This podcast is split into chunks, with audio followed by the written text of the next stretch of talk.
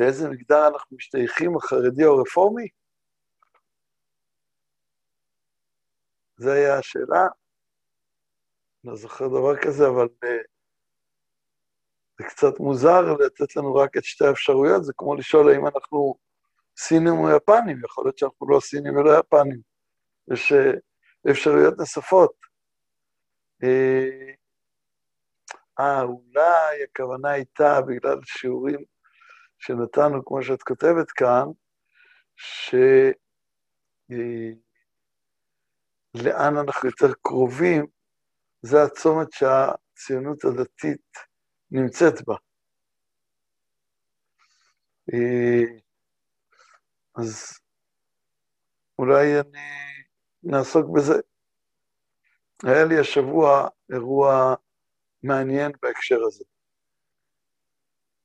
האירוע המעניין היה שהוזמנתי לתת שיעור באיזה מקום, ושאלתי מה הנושא. אמרו לי, מה שאתה רוצה. וזה לא היה מקום של תלמידים שלי מהישיבה, או אה, בוגרי מרכז הרב, בית אל או הר המור. זה היה מקום אה, מסוג אחר, נקרא לזה כך. ואמרתי, אם שואלים אותי מה אני רוצה, אמרו לי משהו רלוונטי שנוגע לאנשים. אמרתי, אני הייתי שמח לדבר על הרפורמה. כתבתי על זה חוברת, יש אותה באתר של הישיבה, כולם מוזמנות לראות. בעיניי חוברת מאוד חשובה להבנת הסוגיה, שעוסקת בדברי הרב, רבנו הרב ציודה, ועוד לפניו הנציב מוולוז'ין, בנוגע לשאלות של היחס לרפורמה. והם אמרו לי, מצוין, בסדר. אני קצת התפלאתי, אבל בסדר, בסדר. ביקשתי לוודא עוד פעם שהנושא נראה להם. אמרו, כן, אבל בסדר גמור, מצוין, למה לא? ואז הסתבר שהחוברת שלי נקראת מנה רגלך מנתיבתם. מנה רגלך מנתיבתם זה הפסוק שמביא הנציב כבסיס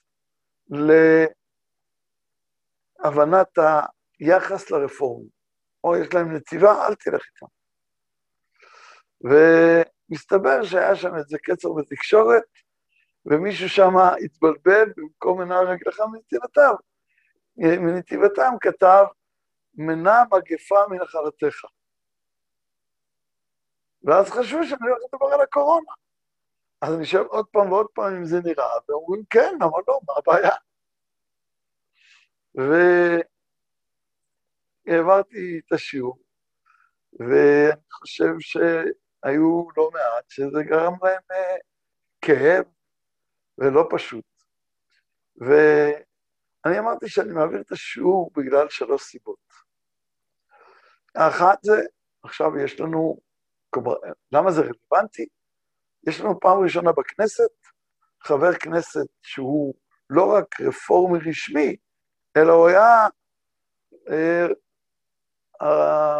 המנהיג של הרפורמים בארץ, גלעד קריב, במפלגת העבודה. והסיבה השנייה זה שהיה לאחרונה אה, פולמוס על מפגש בין אה, רב אורתודוקסי לרבה רפורמית. והדבר השלישי שאמרתי, זה שעניינים שהרפורמים מעלים על נס, באיזשהו מקום, גם בתוכנו יש שאלות כאלה. ומישהו ביקש ממני דוגמה, וחלק הבינו שאני מתכוון שגם אלה בתוכנו הם רפורמים. אני לא אמרתי את זה וגם לא התכוונתי לזה, אבל אה, שמחתי להבהיר לאור השאלה לאלה שהבינו כך, שלא לזאת הייתה כוונתי. אבל כן אמרתי שיש שאלות אצלנו שדומות לעניינים שהרפורמים עסקו בהם, ולכן זה רלוונטי.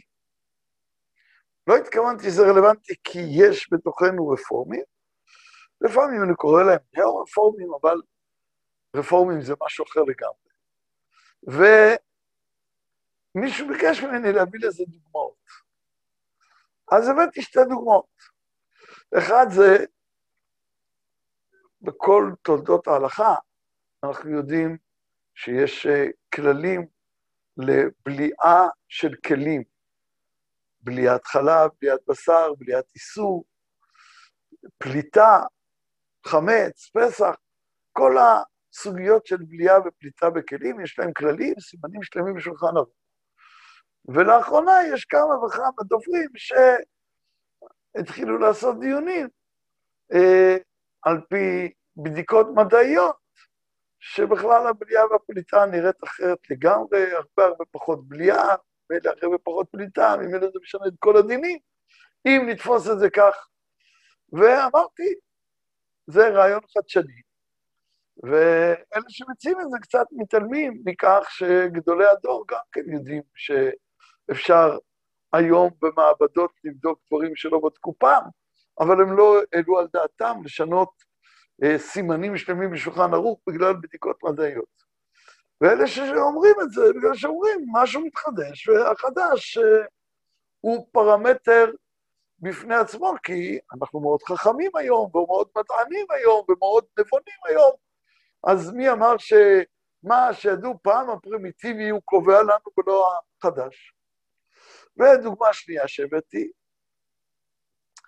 היה דוגמה, הצעה שהוצעה לאחרונה, שאישה אחרי לידה, למרות שעל פי הלכה היא ודאי אסורה על בעלה, מילא גם מגע של תמיכה הוא אסור.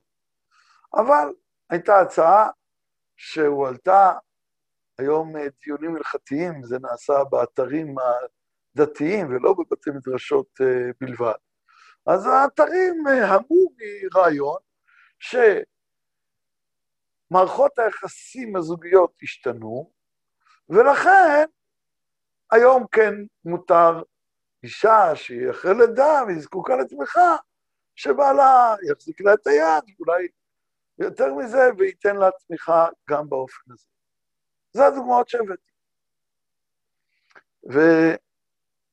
ואחרי שהבהרתי שאני לא התכוונתי לומר שכמה אנשים שיש להם רעיונות כאלה הם כבר רפורמים, אז שאל אותי מישהו, אני מאלה שסוברים שבאמת לתמוך באישה גם פיזית אחרי לידתה זה מצוין, זה בסדר גמור. אז אה, איך אתה מגדיר אותי? האמת היא שהייתי צריך להגיד שני דברים, אבל אמרתי רק דבר אחד. הייתי צריך להגיד אחד מהשתיים. או שאתה סבור שככה משמעות הפוסקים עם uh, שינויים שכך צריך ללמוד את דעותיהם, וכך הם היו פוסקים היום, או שלא מעניין אותך מה הפוסקים אומרים, וזה דעתך שלך בלי פוסקים. אז אם זו האפשרות הראשונה, זה נקרא מגלה פנים בתורה שלא כהלכה. כלומר, ברור שמה שאתה אומר הוא בניגוד להלכה ואין איזשהו מקום, ואתה מגלה פנים בתורה שלא כהלכה. אם אתה אומר, לא משנה מה ההלכה אומרת, אני רוצה לתמוך באשתי אחרי לידה, זה סתם, סתם בעל עבירה, או אולי אפילו מעבר לזה, שיש לך איזה הרהורים בעין והרהורים בה' על אה, סמכות רבותינו ועל סמכות ההלכה, ואז אולי אפילו יותר מרחיק לכת. האמת היא שעכשיו אני חושב שהייתי צריך להגיד גם את זה. וזה סוג של דברים שיש לו נקודת דמיון עם uh, הרפורמים. והנה פגשתי אנשים זה היה בית מדרש ללימוד, ושהם מחשיבים את, הד... את עצמם לגמרי אורתודוקסים. אבל המוכנות שלהם לדון בכל מיני שאלות כאלה, וגם אה, הקרבה שלהם לתפיסות, לא הקרבה, ההכלה שלהם את העולם הרפורמי, הוא גדול ברכה מסביר פנים מאוד לרפורמים, ולעומת זאת, אם תדברו איתם על חרדים, הם יהיו מאוד מאוד מאוד אה, ביקורתיים, או אנטי, או חריפים מכל מיני סוגים. זה סוג אחד של אה, כיוון שמושך בציבוריות שלנו. ולעומת זאת, אני מודה ומתוודה שאני נמצא בצד השני. כשמדברים על חרדים, אני אנמס מרוב אה, אה,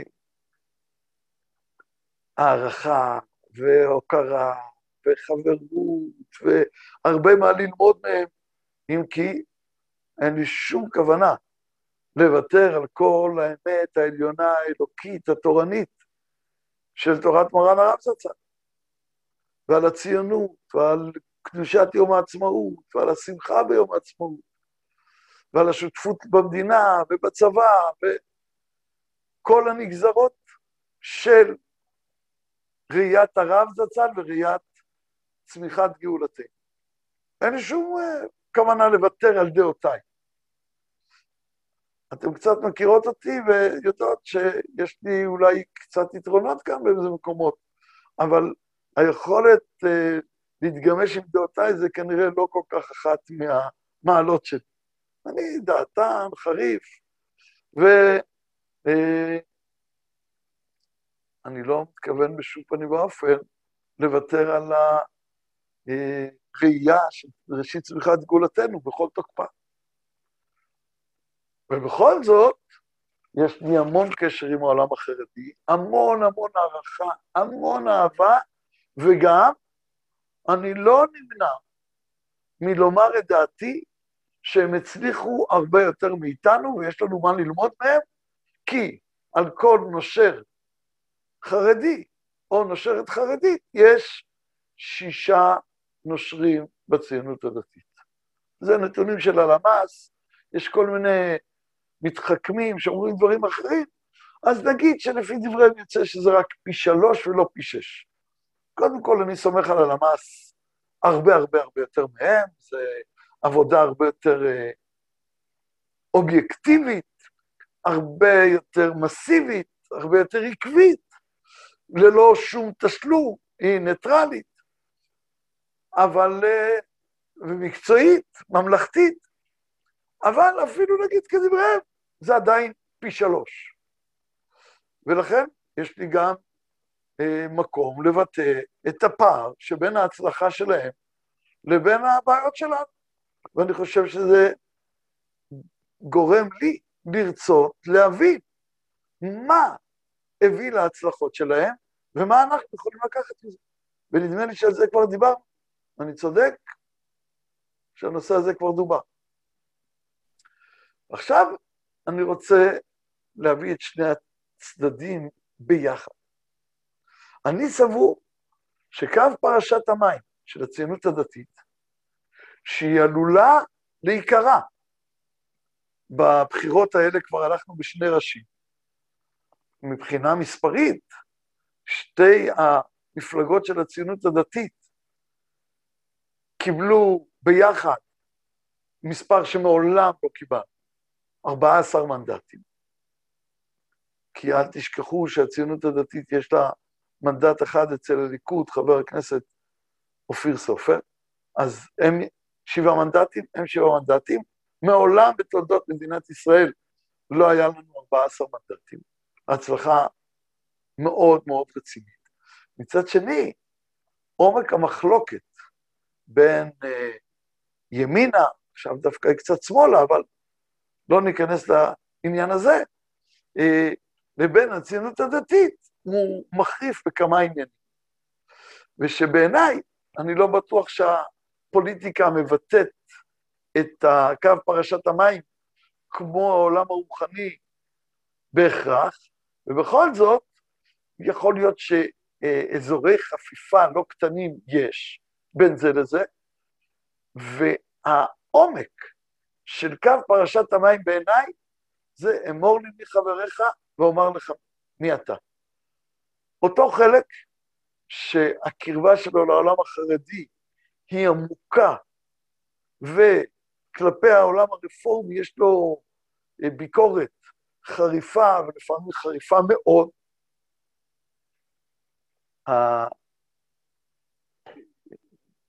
המרכזת, שבעצם בשמה הזמינו אותי לשיעור שהזכרתי לכם קודם, אמרה לי, ממשמעות דבריך, אה, נשמע שבעצם יוצא שהם רשעים, הרפורמים. וכאילו, לא מדברים ככה, לא, כאילו, למה לצייר את זה ככה? ואמרתי לה שתעיין בחוברת שלי, בעלה למד במרכז הרב הרבה שנים, ותעיין בחוברת שלי ותראה מה הרב ציודה כותב. הרב ציודה לא כותב רשעים, כותב רשעים ארורים על הרפורמה. האם הרב ציודה לא אהב את ישראל? האם הוא לא לימד אהבת ישראל? האם הוא לא לימד אהבת ישראל בבעירה עצומה? כן. ולרפורמים הוא התבטא, רשעים ארורים. אמרתי לה, אני אפילו את המילה רשעים לא אמרתי, רק מדבריי את שמעת את זה. אז לעומת הרב אני אציל ועדין נפש. למה זה כך? כי יש לנו ביקורת חריפה. כפי מה שאנחנו לומדים את דברי התורה ודברי רבותינו, שבכל הדורות, מהש"ס ועד עצם היום הזה, ויש לנו ביקורת חריפה.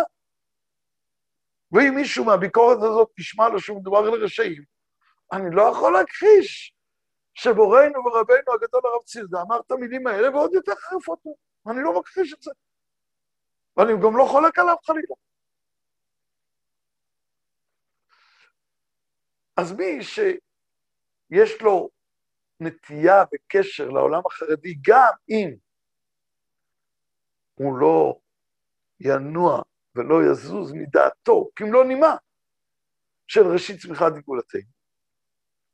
ולעומת זאת, על הרפורם יש לו ביקורת מאוד חריפה, עד כדי שאני אולי בדור שלנו, לא בטוח שאנחנו צריכים להגיד את זה, וגם לא כל מה שהרב צידה התבטא בחריפות אנחנו צריכים להגיד, אבל אנחנו לא מתביישים להגיד, הרב צידה אמר רשעים ארורים. ולא ממצמצים כשאומרים את זה. ולעומת זאת, יש חלק אחר, שעסוק לא מעט בלהתקרב אל רפורמה, ודווקא על החרדים יש לו ביקורת. ולי נראה שזה יהיה קו פרשת המים. שם יוכרע העניינים לכאן ולכאן, אני מקווה שלא יהיה קרע, אבל אם יהיה קרע, זה נראה לי הסימן הכי בולט של הקרע ואיפה הוא. אני משתדל לא לקרוא. למרות שאני גם משתדל לומר את דעותיי באמיתיות ובבהירות ובחדות. איך עושים שניהם ביחד? זו שאלה מאוד מאוד גדולה. עוד מעט אנחנו ביום ירושלים. וכמה פעמים בימי ירושלים, בישיבה דיברתי על זה, שירושלים זו מילה שבנויה משני מילים, שתי מילים. יראה ושלם. ובמובן אחד, יראה ושלום.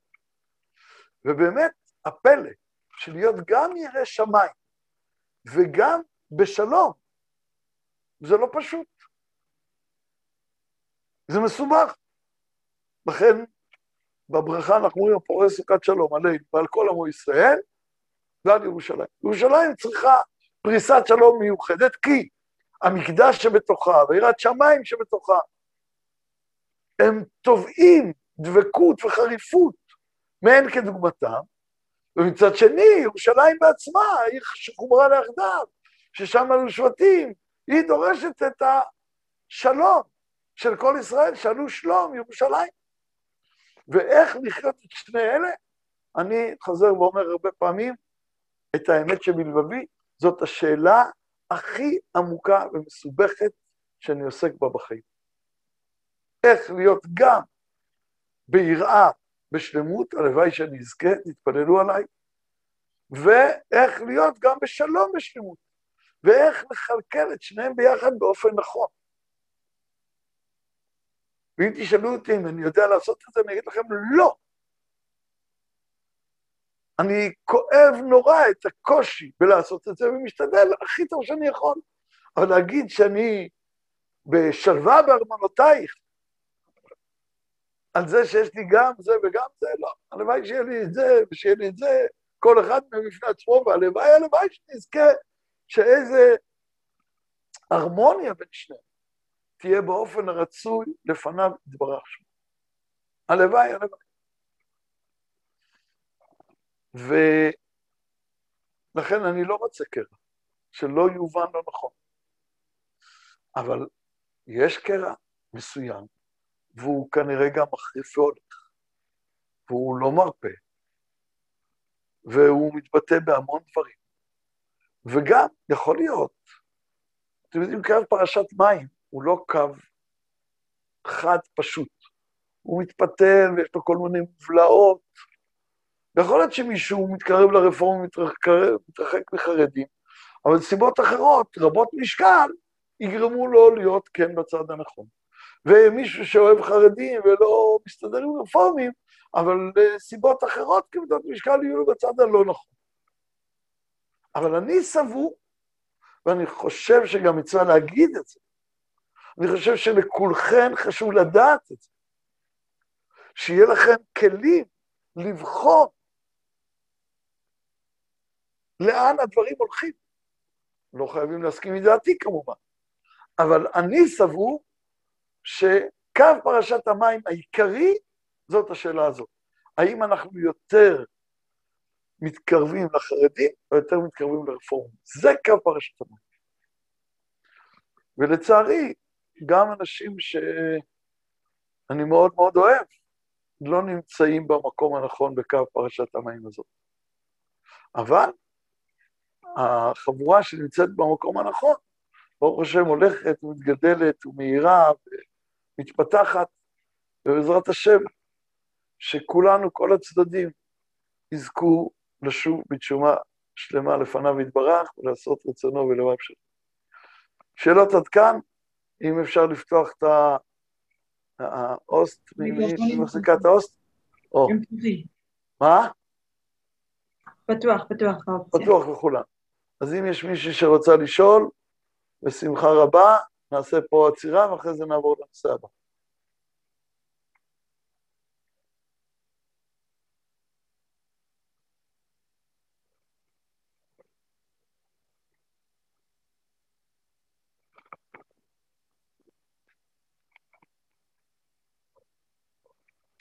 אז אני אגש לשאלה קשורה, שיש לנו פה בצ'אט מפעמים קודמות, מה אנחנו יכולים ללמוד מהציבור החרדי ואיך לומדים מזה. אני מאוד מאוד שמח על השאלה, מודה מאוד למי ששאלה את זה. חשבתי המון על השאלה הזאת, ואני חושב אה, כמה דברים שאני אשמח מאוד לשתף אתכם, בגלל החשיבות שאני מייחס להם. אני חושב שנושא אחד שמאוד מאוד חשוב ללמוד אותו וללמד אותו ולחדד אותו ולהעמיק בו, זה להבדיל בין קודש לחול. הציבור הדתי-לאומי עסוק הרבה מאוד בלקדש את החול, ולהגיד קדושה גם על הרבה דברים שהם חול. לזהות את נקודת הקדושה שבהם ולהעלות אותה נס.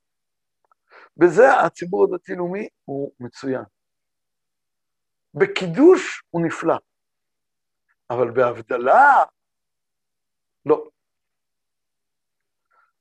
קידוש והבדלה, הרבה שיטות מהראשונים, נלמד מאותו פסוק, הוא קיום של אותה מצווה. המצווה היא זכור את יום השבת לקדשו. אומרים חז"ל, זכור את יום השבת לקדשו, קדשו בכניסתו, קדשו ביציאתו.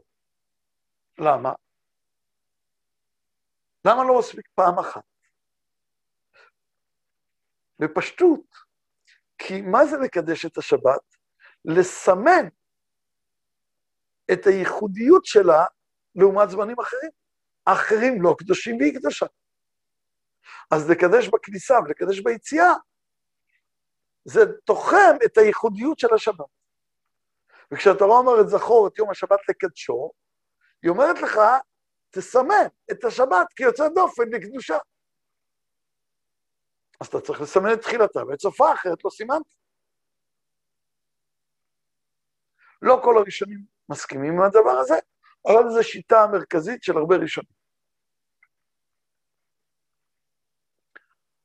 אבל אם זה בדיוק כמו אותה מצווה, אז לכאורה היה מקום להגיד את אותו נוסח. ובאמת הנוסח שונה לגמרי, וצריך עיון. למה רבותינו קבעו לנו נוסח אחד לקידוש ונוסח אחר להבדלה? הרי זו אותה מצווה. תשובה. בבית המקדש, אולי כבר דיברנו על זה פעם, אני לא זוכר. בבית המקדש כתוב בפסוק, כששלמה בונה את הבית, הוא בונה חלונות. אבל החלונות היו בנויים בצורה מיוחדת. לשון הכתוב היא חלוני שקופים אטומים. מה פירוש חלוני שקופים אטומים? היום יש טכניקה כזאת, שאתה רואה בניין משרדים, ויש שם חלונות, מבחוץ אי אפשר להסתכל פנימה כי זה כמו מראה, אבל מבפנים רואים את החוץ.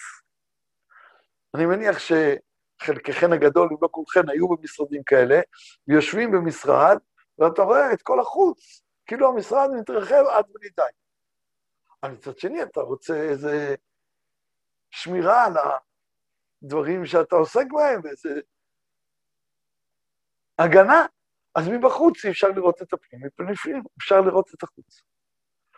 וזה הדרך שבה בנה שלמה את המקדש. כנראה שזה היה יותר עם טכניקה של אה, חלונות אה, בזווית מאשר החומר של הזכוכית, אבל לך תדע. וכאן השאלה היא למה. והתשובה היא שבמערכת היחסים של התקשורת, החיבור בין הקודש והחול, יש שתי מערכות יחסים הפוכות. כשאתה נמצא בחול, אתה צריך לזהות את הקודש כמופלג מעל ומעבר לאיפה שאתה נמצא בו. ולכן מבחוץ אתה רואה חלון אטום, כי בתפיסת העולם שלך, החולית, אתה צריך לדעת שזה מקום אחר לגמרי, זה לא המשך. זה מדרגה אחרת. והחלון האטום מנקודת המבט שלך מבטא את הפער שבין המדרגה שלך לבין מדרגת הקודש. אבל כשאתה נמצא בתוך הקודש פנימה, אז מתוך הקודש אתה מגלה שמה מחיה את החול? גם את החול מחיה הקודש. אז אם כן, הקודש מתפשט בכל. אם תאמר את זה כשאתה עומד בחול, אז אתה תחלל את הקודש. ואם תאמר את זה כשאתה בקודש, אתה מקדש את החול. נדמה לי שסיפרתי לכם שפעם הייתה לי תלמידה, תלמידות בחוג, בחוג למחול, כמובן אני לא למדתי מחול ולא ראיתי אותם מחוללות, חלילה חלילה. רק בתיאוריה של המחול אני השתתפתי, היה שנה שהזמינו שלושה רבנים, פעם בשלושה שבועות, היה פעם אחת הרב אריאל, פעם אחת הרב דרוקמן, ופעם בשלושה שבועות אני העברתי לבנות מחול במכללת אורות. ודיברתי איתם על השאלה האם חול הוא, האם מחול הוא חול או קודש? ומה ההבדל בין מה שהן לומדות למה שלומדים בשאר המקומות? מחול.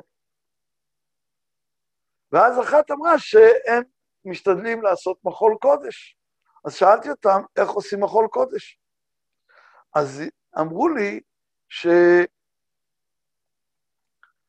שהעשייה של החול קודש זה כמו שבאה אליהם מורה, דווקא חילונית, שהם היו 12 תלמידות, היא אמרה להם שכל אחת תיקח אה, פתק אה, של אה, שבט אחר, היא שמה 12 פתקים, וכל אחת תעשה מחול על שבט אחר. וכל אחת אה, לקחה את השבט, למדה עליו קצת ועשתה על זה מחול. ואני שאלתי, מהיכן אתן יודעות אם חיללתם את הקודש או קידשתם את החול? והם נעלבו ונפגעו וכעסו, אבל אני, מאז שהייתי ילד, יש לי שיר שמעצבן אנשים.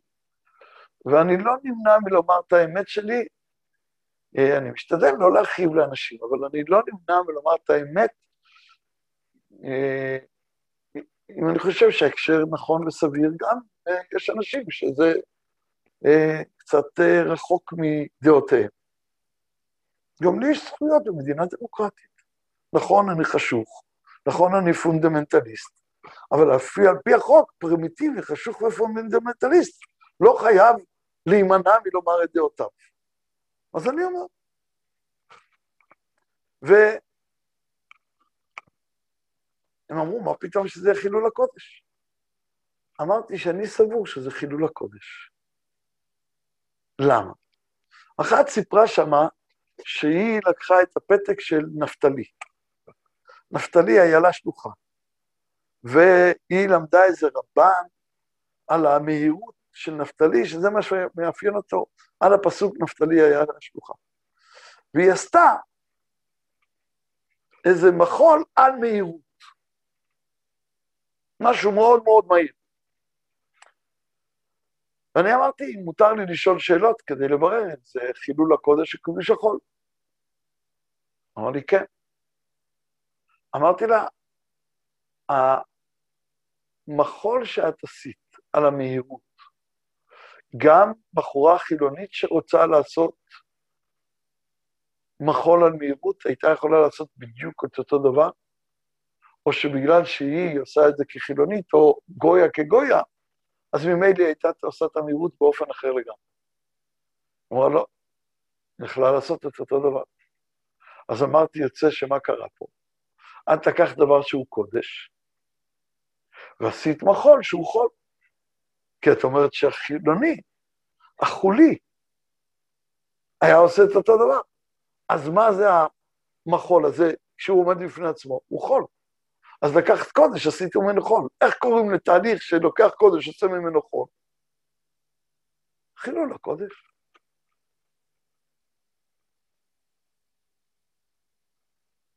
כמובן שזה עשה אותי מיד על המקום חרדי בלתי ניתן לתיקון. בסדר, אני מוכן לקבל את הגזרה הזאת. רק אם יש מקום לדון, אני מוכן לדון. אז היא שאלה אותי בריקודי חסידים, ריקודים של חסידים, זה קודש החול? אמרתי לה, זה קידוש החול. אמרתי, למה? מה ההבדל?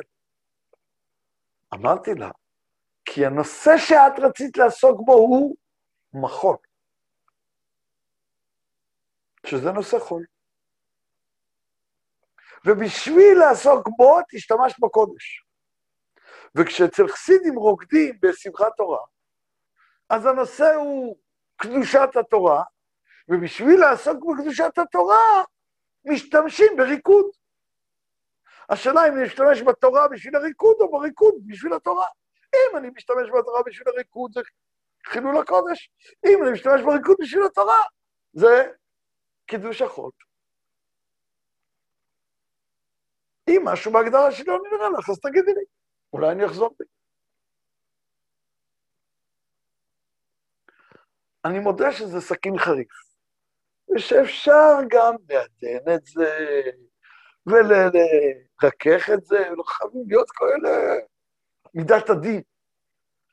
אבל אם אנחנו מאבדים בכלל את היכולת להבחין בין קידוש להבדלה, אז אנחנו לא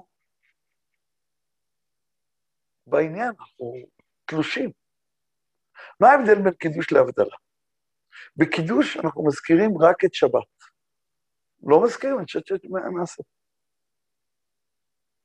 אשר קידשנו מצוותיו ורצבנו, שבת קודשו הנחילנו, הנחלתנו, אין חול. בהבדלה, כל עניינם עובדים מקודש לחול, ולא לחושך בישראל ימים.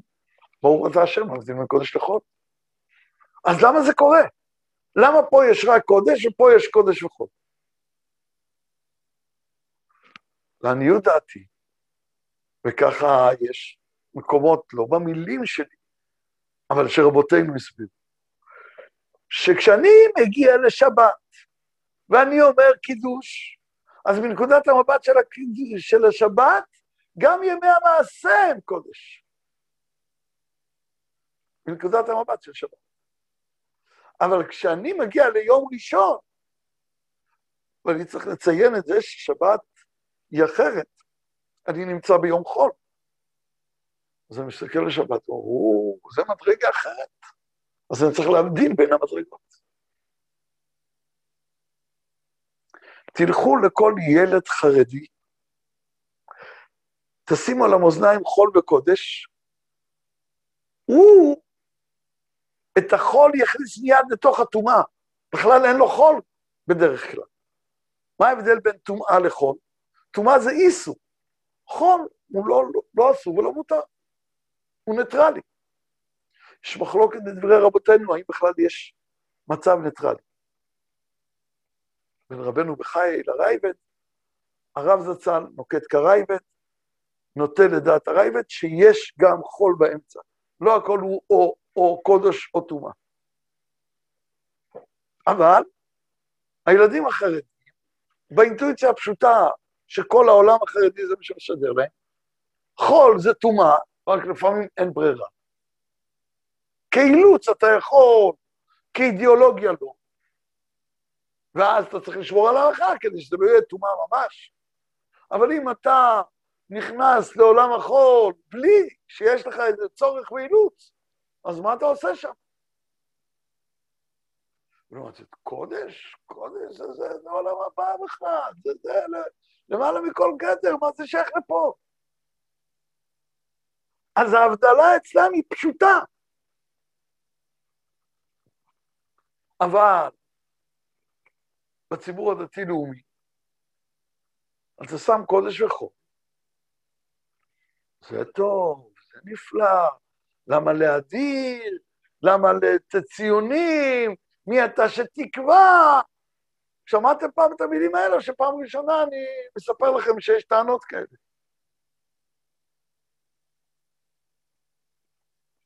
למה?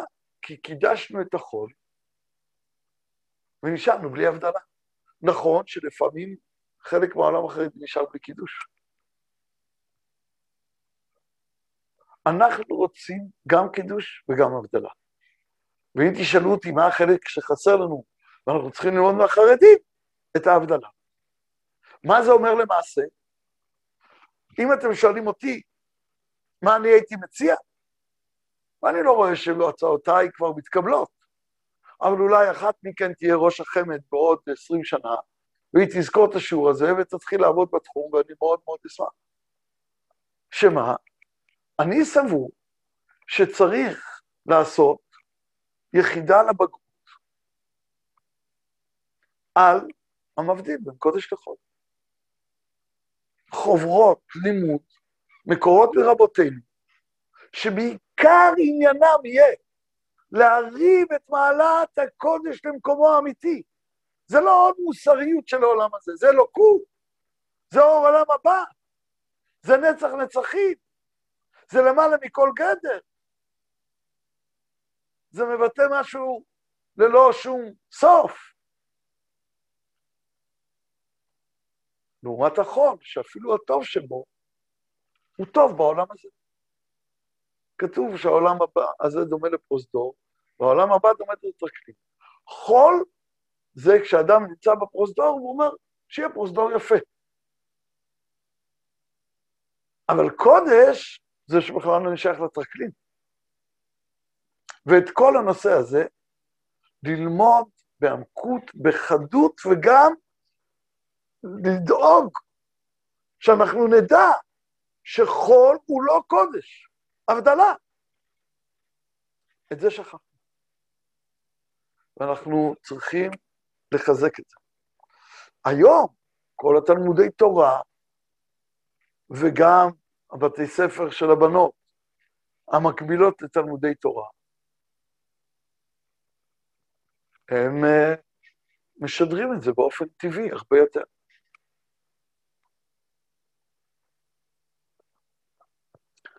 האם אני יכול לתת דוגמה איפה הציבור שלנו לא עושה את ההבדלה? כן, ניתן לכם שתי דוגמאות. אחת, מאותו שיעור שסיפרתי לכם, שנתתי אתמול בערב, ובסיום השיעור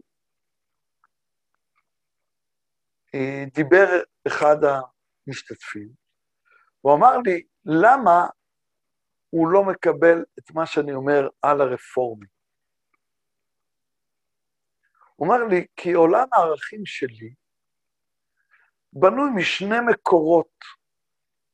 אחד זה מהתורה, ואחד זה מהערכים ההומניים. וכמו שיש לי קונפליקט בתוך הערכים ההומניים ואני צריך להסתדר, ויש סתירות בתוך עולם התורה ואני צריך להסתדר, אז אם יש לי סתירה בין הערכים ההומניים ועולם התורה, אני גם צריך להסתדר. ואני צריך לשקול איך אני עושה את זה. ומה שאתה החלטת לא נראה לי. כלומר, הקודש של התורה והערכים ההומניים של החול, הם נמצאים על אותו משקל, וצריך לשקול את אלה מכל אלה, מול אלה, וכאן, בנושא הזה, אפילו אם התורה אמרה ככה, נראה לו שהערכים ההומניים הם הגוברים. אתמול בערב.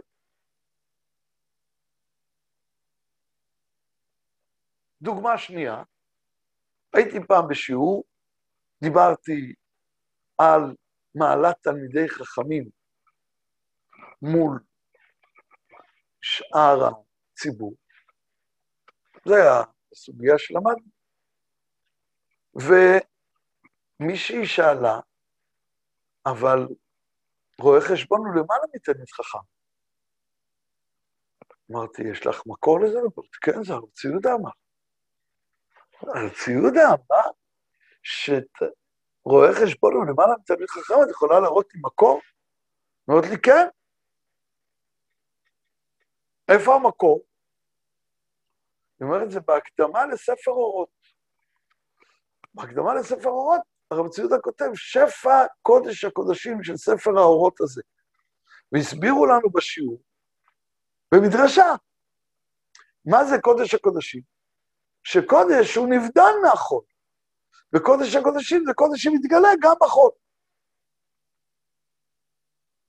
ורואה חשבון זה מתגלה גם בחול, ותלמיד חכם זה רק בקודש.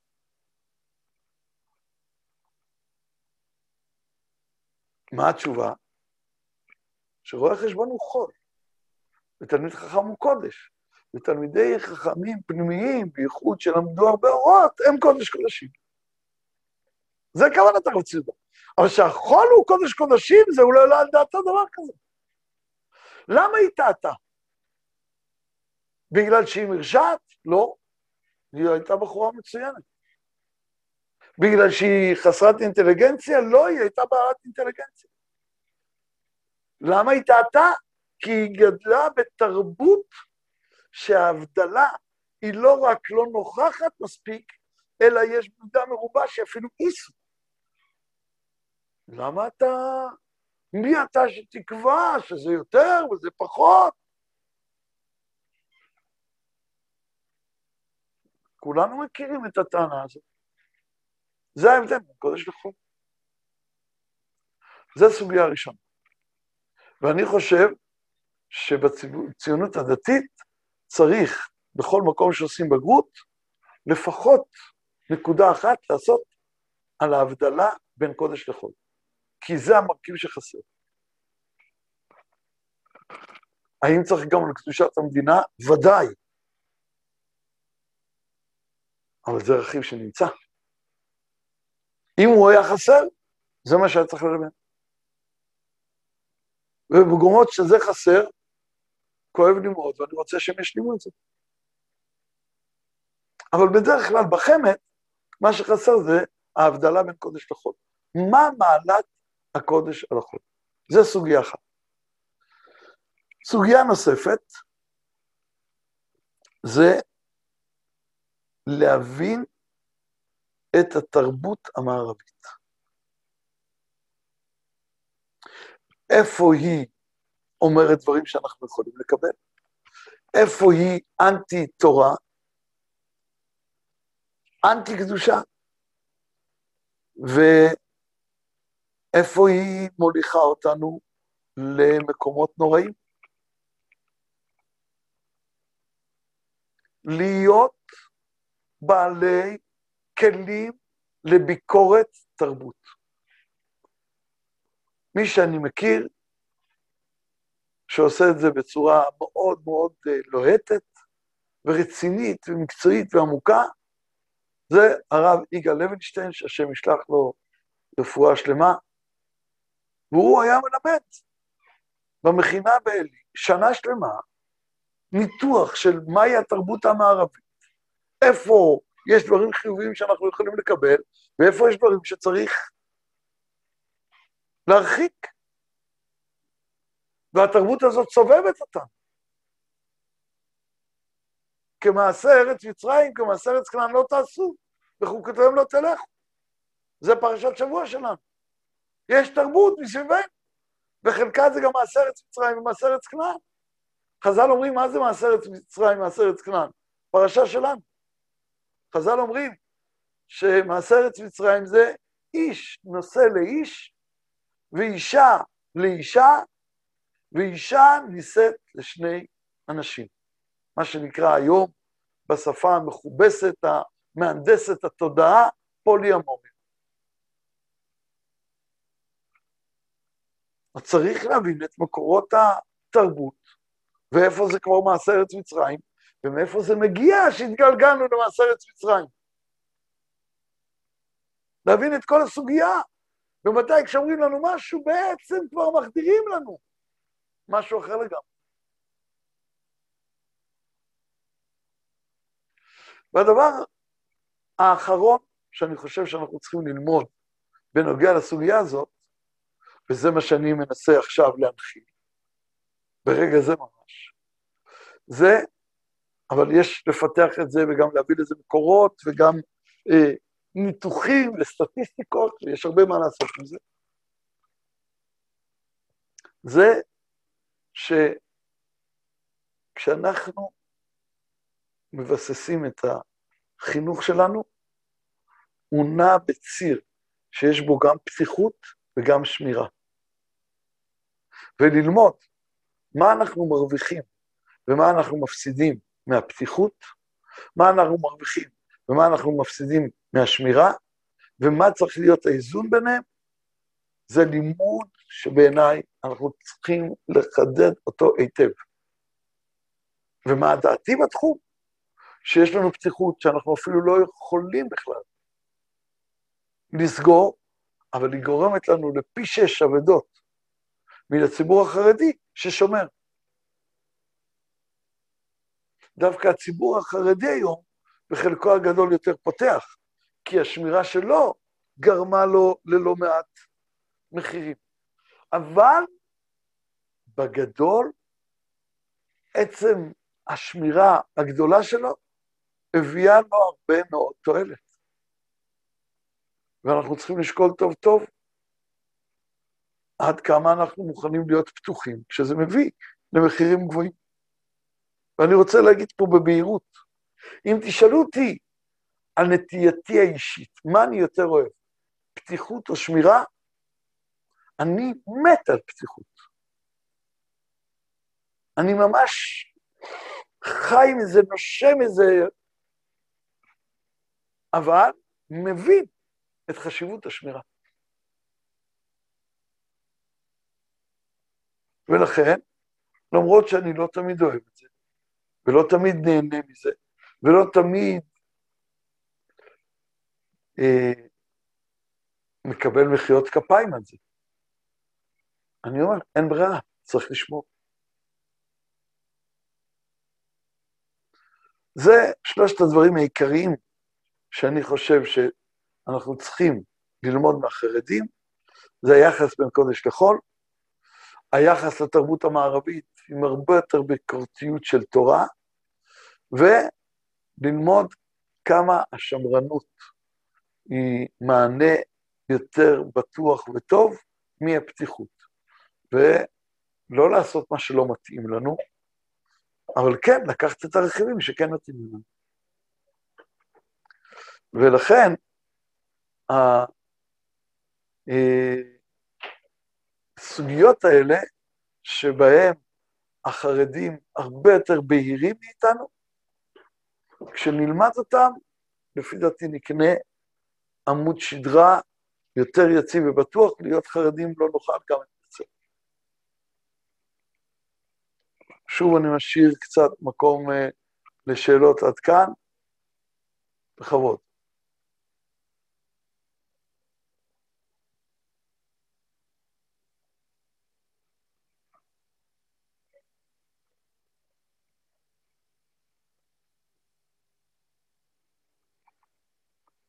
אין שאלות. אה, נשאר לנו אבל ארבע דקות, אז אה, אני אספר עוד סיפור אחד לסיום החלק הזה. יש לי ידיד שלא גדל במרכז הרב, אלא בבית מדרש הרבה יותר פתוח, מחנך דגול, אנחנו חברים מאוד טובים. למרות שגדלנו בבתי מדרש אחרים, עם פערים משמעותיים. ופעם אחת אה, נפגשנו, הוא רצה לדבר איתי, אנחנו יושבים באיזה מקום, מדברים, הוא אמר לי, תשמע, אני כמחנך, אה, אני אגיד לך את האמת, אני לומד ממך הרבה, ואני חושב ש... למרות שאנחנו לא באותו בית מדרש, אתה אה, עושה דברים שאני רואה אותם כנכונים ומייבא אותם, ולכן אני פונה דווקא אליך, חשבתי על זה הרבה הרבה, אני פונה דווקא אליך, כי אני מרגיש שהחבר'ה שלי עדיין נוזלים לי קצת בין האצבעות. הרבה יותר מדי. ואני רוצה לשאול אותך, מה אני צריך לעשות כדי שזה לא יקרה?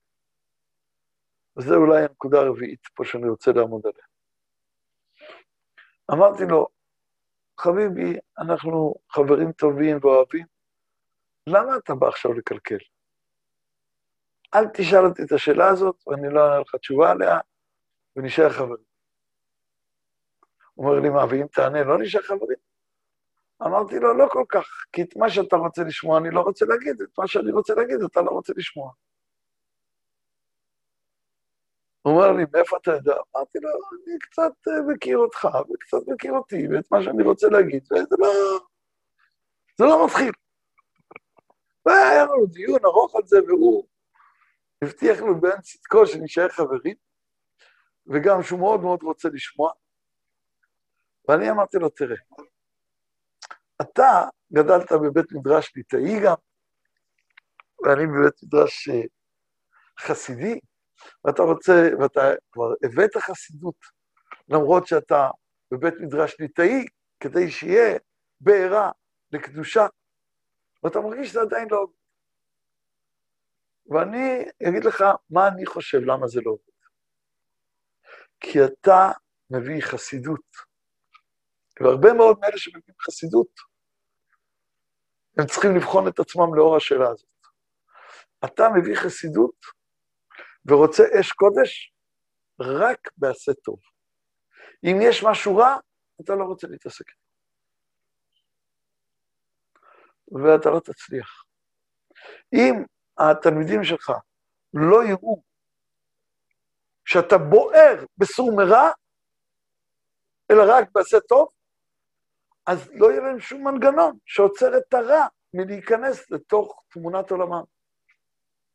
כי אין לה... אין בארגז הכלים שלהם סור מרע. אז גם, גם הרע ייכנס. והם יסבירו פנים לכ... להכל. ואז נתבעים לעגל ונותנים, נתבעים למשכן ונותנים.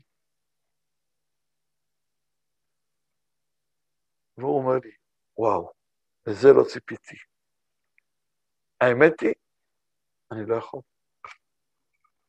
אני לא יכול להילחם בסור מרע. אמרתי לו, אני אמרתי לך את זה מההתחלה. אני הבנתי שאתה לא יכול, ואתה לא רוצה. אבל הפסוק אומר, אוהבי השם שנאו רע. איך שנוא נכנס לאוהבי? תשובה, כל אהבה מולידה שנאה. למי שפוגם באהבה הזאת. אם אני אוהב את הבן שלי, והוא בן יוחריד ואני מאוד מאוד אוהב אותו, אהבת חיי, אז אם מישהו פוגע בו, אני מיד שונא אותו, אין, אין שום ברירה. אם בני זוג מאוד אוהבים אחד את השני, אז כל ניסיון זר למשוך את התשומת לב לאיזו זוגיות אחרת, מעוררת שנאה עד מוות. כל הרומנים בעולם עוסקים בשנאה עד מוות של מי שפוגע בזוגיות, באהבה. כלומר, שאוהבים, שונאים את מה שפוגע באהבה. כי הלהט של האהבה, הוא הופך להיות ללהט של שנאה, כשמשהו פוגם באהבה. לכן אוהבי השם שנאו רע. כי אהבת השם היא שנאה כל מה שפוגם בהתגלות האור האלוקי, והרע הוא הפוגם, אז לכן אוהבי השם שנאו רע. ואני חושב שאחד מהדברים הנוספים שאנחנו צריכים ללמוד, זה שיהיה לנו אומץ בלי להתבלבל, בלי למצמץ, בלי להרגיש שאני עכשיו צריך להצטדק בפני מאן דהוא, על זה שאני אומר בלהט, סור מרע. אני שונא. נכון שמצווה להגיד דבר שנשמע ולא דבר שאינו נשמע. לכן אני לא אמרתי על הרפורמים רשעים בעצמי. אבל אחרי ששאלו אותי, אני לא נסקתי אחור, אלא לחצתי גז, הלכתי את החריג. ואמרתי, בשם רבנו הרב ציודה, שהוא אמר שהם רשעים ארורים. ואף אחד לא חושד בו שהוא לא אוהב ישראל גדול, ענק.